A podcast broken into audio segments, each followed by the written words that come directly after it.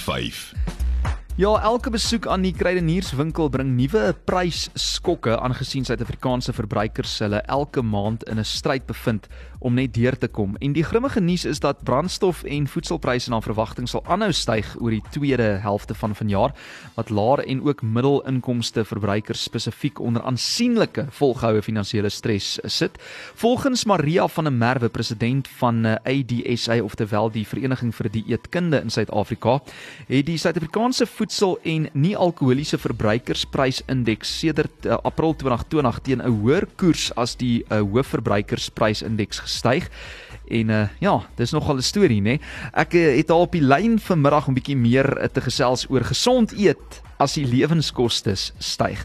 Hallo Maria, baie dankie vir jou tyd eerstens en welkom op die program.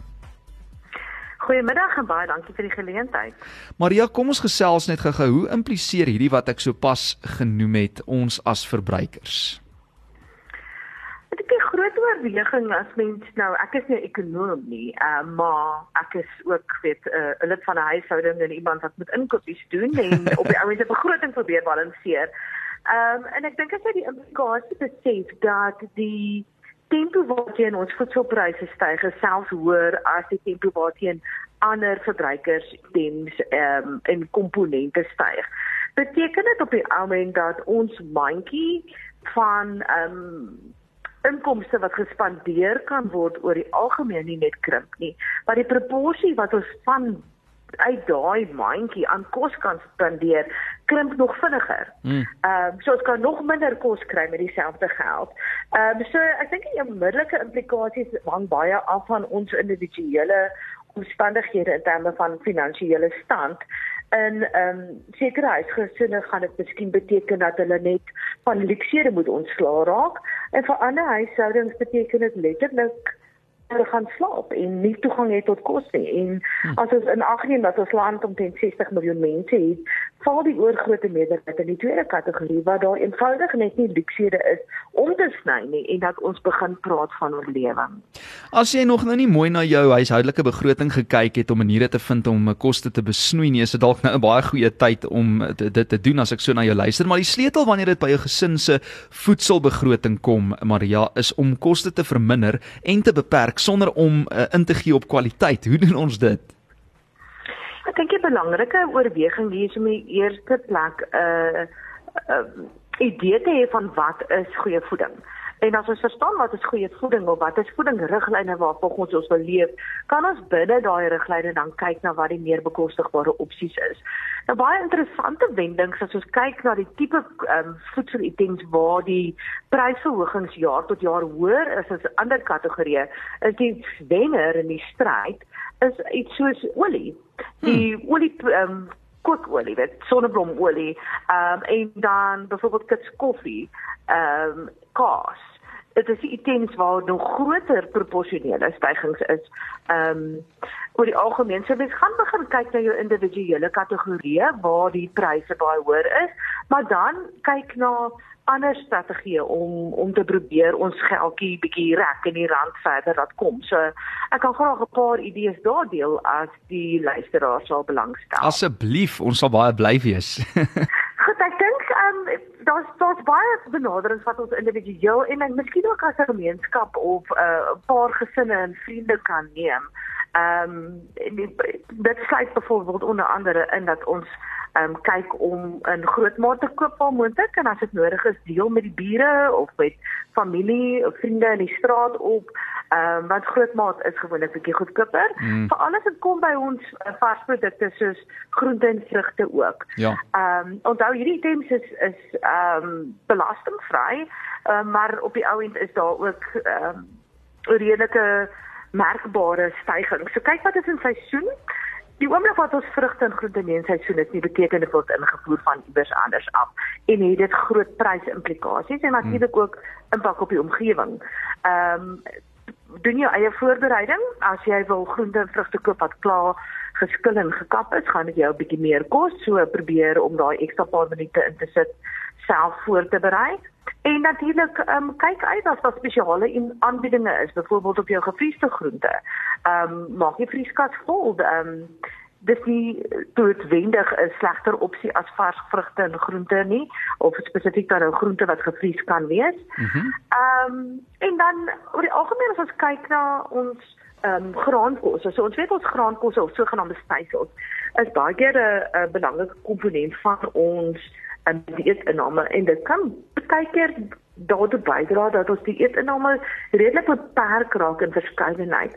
En een van ons primêre voedselinname of riglyne vir optimale voeding, spesifiek gemik op ons Suid-Afrikaanse ehm um, konteks, is om 'n verskeidenheid van kos in te neem. So dit beteken nie net verskillende groepe kos, byvoorbeeld groente, vrugte, stysels, proteïene nie, maar binne in hierdie voedselgroepe ook 'n verskeidenheid. So as ons elke dag byvoorbeeld net brood eet of net aardappels eet, dan het ons 'n baie kleiner verskeidenheid van nutriënte wat ons op die ount inneem. Ja. So as ons daar wil kyk na wat is bekostigbaar, ehm um, en of verskeidenheid probeer inbring. Dit in die ou dae het ons baie meer gebruik gemaak van ehm um, gort of parelgort of mm. stampkoring.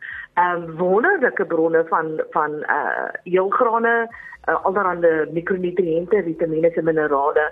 En ons vergeet baie keer van hierdie oudjies as alternatiewe tot die gewone uh witreis. Ehm um, kyk na breinreis. Ehm um, en weer eens kyk of dit nodig is om te deel en groot maat te koop. Ek hou baie van daai idee van jy weet koop groot maat, deel dit. Selfs goeders ons praat nou spesifiek oor kos, maar goed soos toiletpapier ensovoorts wat jy baie goedkoop kan uitwerk op die lang duur.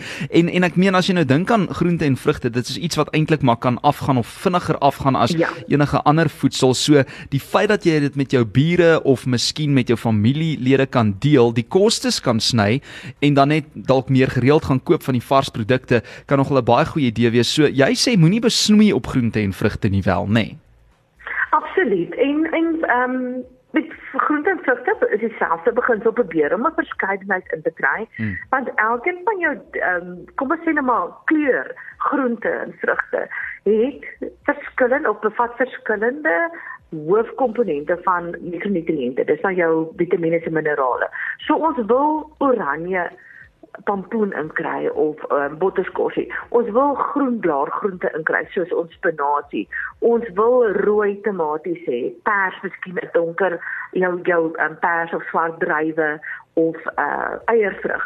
So die verskillende tipes groente is ook belangrik. So daar kan ons kyk na wat is in seisoen en ons kan natuurlik ook oorweeg dat sommige van hierdie groente het 'n baie langer rapleeftyd. Dit hmm. jou ehm um, botterskorsies of jou pampoen kan redelik langer hou en gaan nie so vinnig afgaan nie.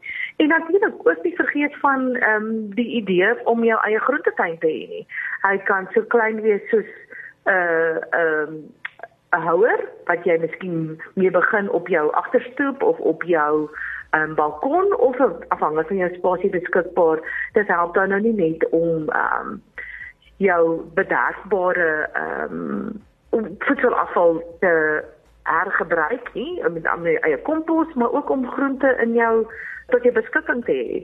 Ehm um, iets soos byvoorbeeld groenboontjies is redelik vinnig om ehm um, amper seker vrugte af te werk, net as ek sê groente af te werk. Ehm um, En en dan het jy ook as jy dit bietjie uitmekaar uitspasieer, dan kan jy byvoorbeeld seker maak dat jy elke 3 of 4 weke plant en dan het jy meer konstante ehm um, voorraad. Voorraad, voorraad natuurlik. Jep. Hoor hierdie is fantastiese wenke. Ek wens eintlik ons het meer tyd om te praat, maar die tyd haal ons nou baie vinnig in. Ek wil net 'n laaste punt noem. Brei jou proteïen uh, bronne uit want ek meen die proteïen komponent ja. van 'n maaltyd sal waarskynlik die duurste kos wees, né? Nee? Baie kere is dit die geval. So dit is miskien 'n plek waar mense eers dink ons gaan moet moet sny. Ehm um, so ons moet altyd onthou dat proteïene is is weer eens 'n verskeidenheid ehm um, beskikbaar in van produkte. So ons dink dadelik miskien aan ons ehm um, diereproteïene, soos jou vleis, eiers, melk, ehm um, ander suiwelprodukte, maar ons hou ook ons plantproteïene. Dit is nou jou droë bone, lensies, die mooiste woord vir my in Afrikaans kekerertjies. Dit is nou chickpea. Ja. Ehm um, wat wonderlike bron is van proteïene en veral as jy hulle saam met jou heelgrane gebruik wat ons net nou oorgesels het. Hmm. Ehm mm. um, so wat jy kan doen is om begin om hierdie plantproteïene ook in jou ehm um, maaltye in te beplan as gedeeltelik byvoorbeeld ehm um, as jy iets maak met maalvleis, vervang 'n deel van dit met met lensies. Ja. Ehm um, om hom net bietjie te rek of in 'n breedie in ehm um, bone en dan natuurlik aanhou met ons inname van ehm um, diereproteïene want baie van hulle kan ons miskien dink dit is duur per item of per um, kilogram, maar op die end is jou waarde uh, wat jy kry as ons byvoorbeeld 'n 'n sommetjie gaan maak van hoeveel gram proteïen jy kry vir daai prys, is dit weer eens miskien nie so duur nie. Ek daar dink ek byvoorbeeld nou aan hoenderborsies wat een van jou mees gekonsentreerde bronne van proteïen is. So, daar kan as ons kyk na porsies, ons is nogal geneig om ons ons dierproteïen porsies bietjie groot te maak. So ons kan begin leer om net so 'n bietjie te sny eerder as om in te put. En hoender natuurlik baie goedkoper opsie as ander vleise. So sê ja. Maria van der Merwe, sy is geregistreerde dieetkundige en ook die president vir die vereniging uh, vir dieetkunde in Suid-Afrika, oftewel ADSA. Uh, ons het 'n bietjie gesels oor gesond eet as die lewenskoste styg. Ons almal sit in daai penarie. Maria, ons gaan hopelik in die toekoms weer met jou gesels as mense miskien 'n webblad wil besoek of jou wil kontak. Is daar enige besonderhede? Ja, ehm um, die ATSA webblad kan besoek word by www.adsa. Dit mm -hmm. staan vir Association for Dietetics in South Africa. Ja. .org.za. So dit is www.adsa.org.za uitsa vir atsa.org.za want jy is natuurlik 'n organisasie. Baie dankie vir jou tyd Maria, ons waardeer dit ontsaglik baie en uh, dankie vir die wenke wat jy gedeel het met ons op hierdie Vrydagmiddag. Ons uh, gesels weer in die toekoms hoor. Groot plesier en ons verbruikers moet vasbyt. Absoluut. Lekker naweek. Bye. Selfs daai kan dankie.